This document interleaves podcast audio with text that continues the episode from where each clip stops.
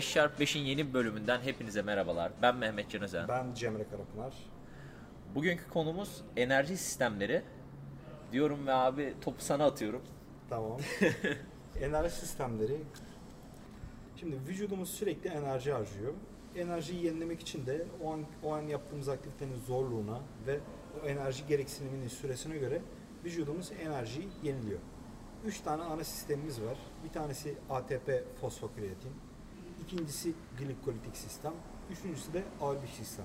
Tabi bunları farklı kaynaklarda, farklı çeşitlilikte de arıyorlar. Laktik sistem, alaktik sistem, bunun gibi terimler diyebilirsiniz. İlk başta ATP fosfokreatin sisteminden bahsetmek istiyorum. Bu sisteme alaktasit, alaktik anaerobik sistem de deniyor.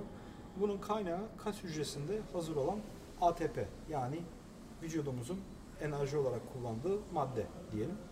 ATP yüksek bir eforda çok çabuk tükeniyor vücudumuzda ve kas hücresindeki fosfokreatini kullanmaya başlıyor vücudumuz. Nasıl oluyor? İlk önce bu kas hücresinde hazır olan ATP'yi kullanıyoruz. Sonra ATP tükeniyor birkaç saniye içinde. Fosfokreatinden fosfat çözünüyor. Ee, tabii ondan sonra zaten ATP'den bir tane fosfat atılınca ADP'ye dönüştüğü için o ADP geliyor bu fosfata bağlanıyor ve ATP üretiliyor, enerji üretiliyor yani.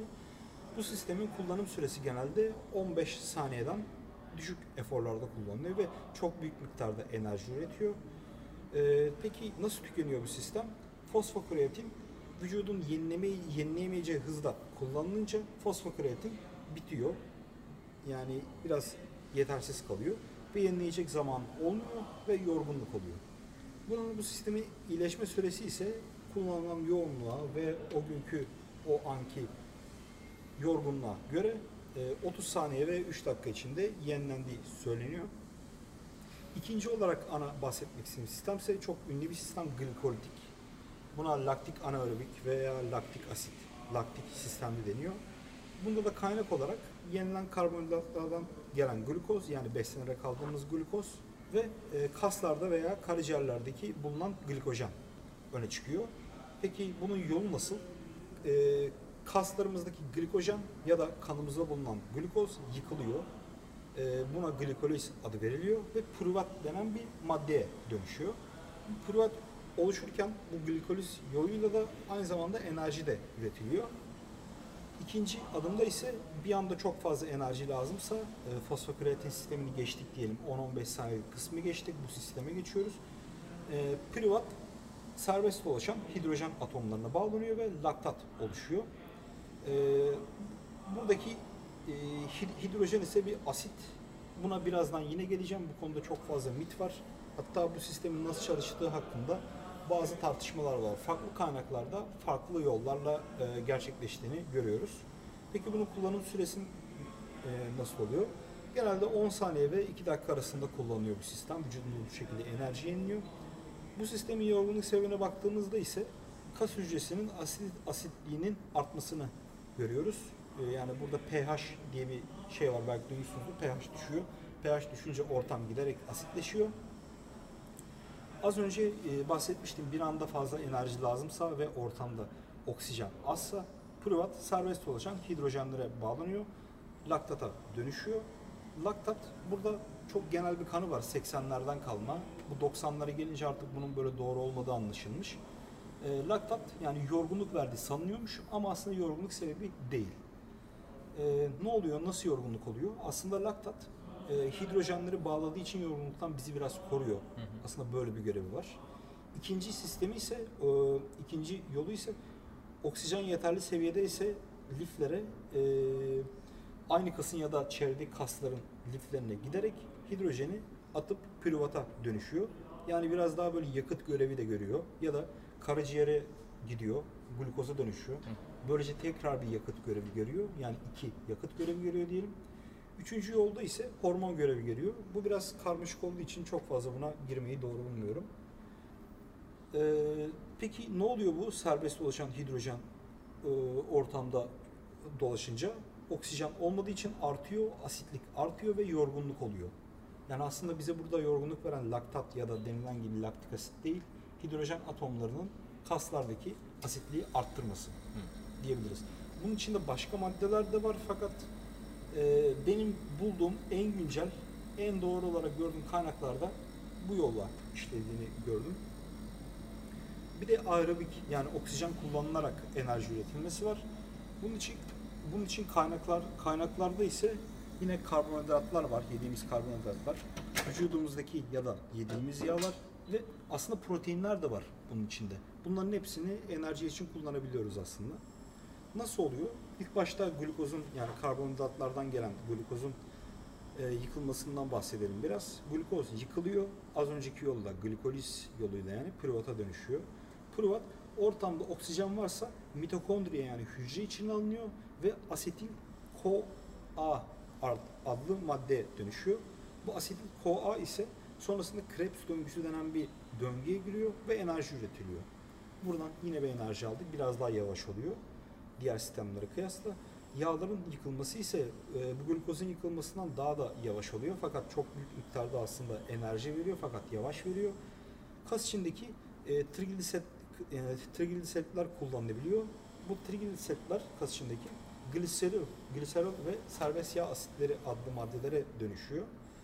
E, gliserol tekrar oksijen olduğu için ortamda mitokondriye almıyor ve pürüvat gibi hareket ediyor. Pürüvat sonucunda da e, asetil koenzim A üretiliyor. Krebs döngüsüne giriyor glukozdaki olduğu gibi ve enerji üretiliyor. Serbest yağ asit, asitleri ise burada çok duyduğumuz bir besin desteği var karnitin. Evet. Biz bunu alıyoruz aslında bu L-karnitin bir taşıyıcı madde. Serbest yağ asitlerinin karnitini mitokondriye sokmasını sağlayan bir taşıyıcı madde. Bu madde sayesinde mitokondriye sokuluyor serbest yağ asitleri. Bunlar yıkılıyor. Yine asetil koenzim A gibi davranıyor ve enerji üretiliyor. Proteinlerin de yıkılması var fakat bu çok nadiren oluyor. Çok fazla böyle e, çok uzun süre Açlık. evet evet çok uzun süre açtık böyle ama bayağı uzun süre açtık Evet. böyle bilmiyorum artık. 3 gün 5 gün sonra. Evet evet yani belki. onlardan bahsediyor. Vücudumuzdaki proteinler e, yıkılıyor kaslarımızdaki. E, bazı amino asitler glukoza dönüşebiliyor. Bu sürece de e, deniyor. Hani gluko buradan glukozdan gelen neojenesis ise hani yeniden üretmek gibi Hı hı. düşünebilirsiniz. Kullanım süresi ise bunun sonsuz gibi aslında. Hı. Yani bir dakikadan iki dakikadan başlıyor, sonsuza kadar sürüyor diyebiliriz. Yani eğer kullandığımız yoğunluk düşükse. Yorgunluk sebebi nasıl oluyor? Karbonhidrat stoklarının azalması e, yorgunluğa sebep oluyor zaten. Hı hı. Sonra e, serbest yağ asitlerinin yıkımı artıyor bu süreçte. Hı hı. Ne oluyor? Daha fazla oksijen gerekiyor. Yoğunluğunu düşürmek zorunda kalıyoruz. Bu şekilde yorgunluk oluyor. A- aslında bu sistemlere baktığımızda da hepsi birbiri içinde çalışıyor aslında. Sürekli hepsi çalışıyor diyebiliriz. Evet. O anki gereken enerji e, e, enerji seviyesine göre farklı sporlarla da farklı farklı yollarla enerjileri yeniliyoruz. Hı hı. Yani örneğin böyle örnek vermek gerekirlerse e, yani halterde mesela tamamen ATP fosfokreatin Evet. sistemi kullanıyoruz. Eforlarımız çok kısa Kısa sürüyor. süreli, uzun dinlenme. Evet birkaç saniyelik ne bileyim 10 saniye bile sürmüyordur 8 yani. saniye hani gibi. 4-8 saniye. Evet yani en fazla o kadar oluyor. Zaten hani çekişi yapıyorsun, barın altından kalkıyorsun. Clean and jerk'te böyle kalkıyorsun zaten bir nefesleniyorsun clean Evet. yaptıktan sonra. Jerk'ü yaparken o anda bir enerji harcıyorsun. Bu, e, bu, bu sporda bu sistem daha çok aktif diyebiliriz. E, sonra bir 100 metre koşu örneği verelim. Biraz daha uzun süren bir efor. Burada yine ATP fosfokreatin sistemini kullanıyoruz. Ve ama işin içinde biraz daha uzun olduğu için efor glik- glikolitik sistem de katılıyor. Hı hı. Ee, sonra biraz daha uzun eforları geldiğimizde örneğin bir 200 metre koşuya ATP fosfokreatinden daha az enerji sağlıyor vücudumuz, yeniliyor. Ee, fakat daha çok glikolitik sisteme geçiyoruz. Biraz daha fazla bu kullanılıyor. Ee, sonra biraz daha uzun eforlara baktığımızda kürek var. Kürekte ise biraz daha az ATP fosfokreatin sistemi kullanılıyor. Ee, buna glikolitik katılıyor ve bu iki sistem birlikte ortalama %40 gibi bir enerji üretimine katkıda bulunuyor. %60 ise aerobik yollarla gelen enerjiden kullanılıyor. Karbonhidratların ve yağların yakılması sonucu olan e, enerjiden. Maraton gibi çok uzun süren eforlarda ise maalesef tamamen aerobik Evet. e, olduğunu söyleyebiliriz. Zaten dediğin gibi neredeyse hani sonsuza kadar devam edebiliyor. Evet. Ki hani onlar da hani bir maratoncu veya bir bisiklet uzun mesafeli bisiklet yarışlarında yine maratoncular, atletler hani sürekli bir refuel ediyor kendini. Yani yeniden işte karbonhidrat alıyor, jel alıyor. Ona göre besleniyor zaten yarış esnasında. Evet ki vücudumuz hızlı bir şekilde enerjisini yenileyebilsin. Evet. Çünkü vücudumuz bu ATP fosfokretinden aerobik sisteme doğru geçerken daha yavaş enerji üretiyor. Büyük miktarda üretmesine rağmen bu yavaşlık yorgunluk veriyor. Evet. Hani sporcu da orada biraz daha yani yağ kullanmak zorunda kalmasın diye glikojen depolarını doldurmaya çalışıyor. Aslında çok dolduramıyor pek yani biraz Evet. dolduruyor. Daha çok e, yani yiyor. Oradan gelen glik, glik- e, glikoz kana karışıyor. Kandaki glikozu kullanılıyor. E, bu sistemlere genel baktığımızda ise ne kadar hızlı enerji üretirsek o kadar az sürdürülebilir oluyor. Mesela ATP fosfokreatin sistemine baktığımızda çok kısa sürüyor böyle. Evet. Tek atışlık, birkaç atışlık sistemler gibi düşünebiliriz bunları. Yani oksijensiz hızlı enerji üretiyoruz fakat kısa sürüyor. Oksijenli ise yavaş enerji üretiliyor fakat biraz daha uzun sürüyor. Bunları söyleyebilirim. Peki e, bunun hani herhangi mesela diyelim ki insanlar şöyle şeyler sorabilirler hani böyle yağ yakmak istiyorum. Hani hangi enerji sistemini kullanacağım metodu uygulamalıyım falan filan gibi böyle sorular olabiliyor insanların kafasında. Ya burada sanırım hani hepsini belki karıştırmak daha mı iyi olur? Hepsinden zaten bir şeyler hepsini yapmak. yani şu- dediğin- şunu söyleyeyim bu sistemler ayrı ayrı kullanmıyoruz Evet. zaten. Hepsini her an kullanıyoruz. Yani hangi enerji sisteminde çalışayım vesaire bu gibi sorular aslında biraz saçma. Saçma. Evet. Zaten vücudumuz dururken hani en çok yağ yakılan anı söyleyeyim. Uyurken, böyle otururken Hı hı. kullandığımız enerjinin en büyük kısmı yağdan geliyor. Evet. Fakat bu demek değildir ki yani oturarak daha fazla yağ yakabilirsin. Daha fazla kalori. Evet. Yani aslında burada e, sporuna spesifik çalışmak lazım fakat vücut kompozisyonu için çalışıyorsan Hı hı. burada birinci düşünmen gereken şey aldığın kalori. Evet. Yani istediğin kadar aerobik sistemden harcıyor ol bütün o gün e, yenilenen enerjiyi. Hı hı. Yani bir şey fark etmiyor. Aslında beslenmene bakmak lazım bu şeyde ve sporuna doğru spesifik çalışmak lazım.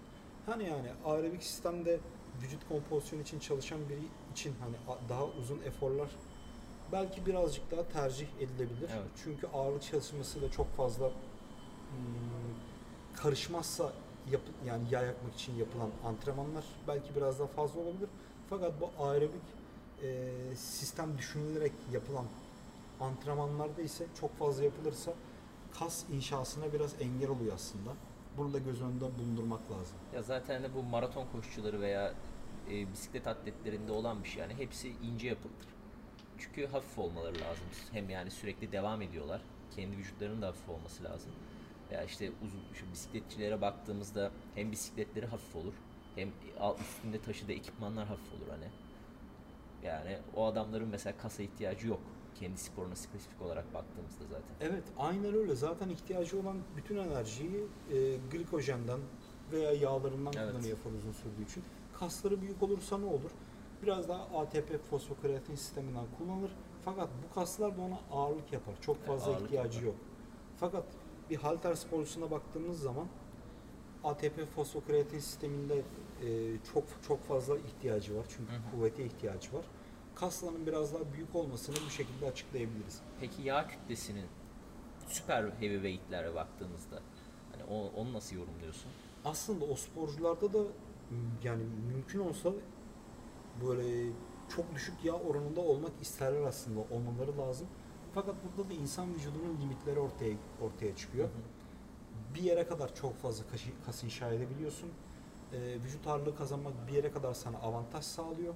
Artı yani şu anki teknolojide bile e, zaten hani o tür sporlara baktığımızda performans arttırıcı maddeler e, yani Ya dürüst işin olmak gerekirse yani, yani zaten.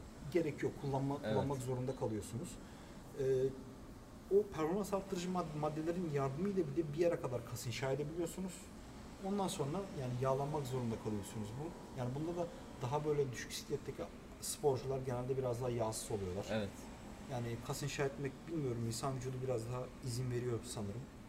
Hani süper heavyweight'lere bakınca ben çok çok daha yağlı oluyorlar. Evet. Yani mümkün olsa onlar da yani düşük sikletler gibi yağsız olmak isterler ki bu da işlerine yarar. Vücut ağırlıklarının çoğu daha çok kas olursa daha fazla ağırlık kaldırılabilirler teknik olarak. Fakat limitler izin vermiyor. Biraz ondan. Ben de hani şu süreçte şeyi bunu eklemek isterim abi. Ben bir 108 kilonun üstüne çıkmıştım biliyorsun. Şimdi 100 kilolara düştüm yine 101 kilodayım. Yani yine ayaklarımın hızlandığını fark ediyorum ve hani eskiden ne bileyim diyelim ki %95'inde sergilediğim bir performanstı daha nefes nefese kalırken şimdi daha iyiyim. Yani öyle bir kuvvet kaybım falan da olmadı yani. E, çok ekstra yağ mesela kötü etkiledi gibi beni. O bir 7 kilo. Etkiler hareket etmeni belki zorlaştırabilir. Evet. Hani vücudun biraz daha fazla oksijene ihtiyaç duyacağı için hani bu ne kadar yağ olsa da kas olsa da bu ağırlık Hı hı. yani biraz daha enerji harcıyorsun. Hatta hatta baktığımız zaman öyle kas kazanmak dururken böyle enerji harcamaya çok aşırı bir katkısı olmuyor. Yani enerji harcamanı sağlayan esas faktör burada insanlarda vücut ağırlığı. Vücut ağırlığı ne kadar fazlaysa o kadar fazla enerji harcıyorsun Evet. aslında baktığın zaman. Ha kas hücreleri kullanıldığı zaman biraz daha fazla enerji yaktırıyor. Ee, bu yüzden kas kazanmanın avantajları oluyor. Yani o yüzden de hani ve diğer faktörlerden de kas eklemek e, biraz daha iyi olur aslında vücut kompozisyonu için. Dinlediğiniz için teşekkür ederiz. Bizi 5x5 Fitness Instagram hesabından takip etmeyi ve DM'den yorum atmayı unutmayın. Konu önerilerinizi ve sorularınızı bekliyoruz. Bir sonraki bölüme kadar kendinize iyi bakın.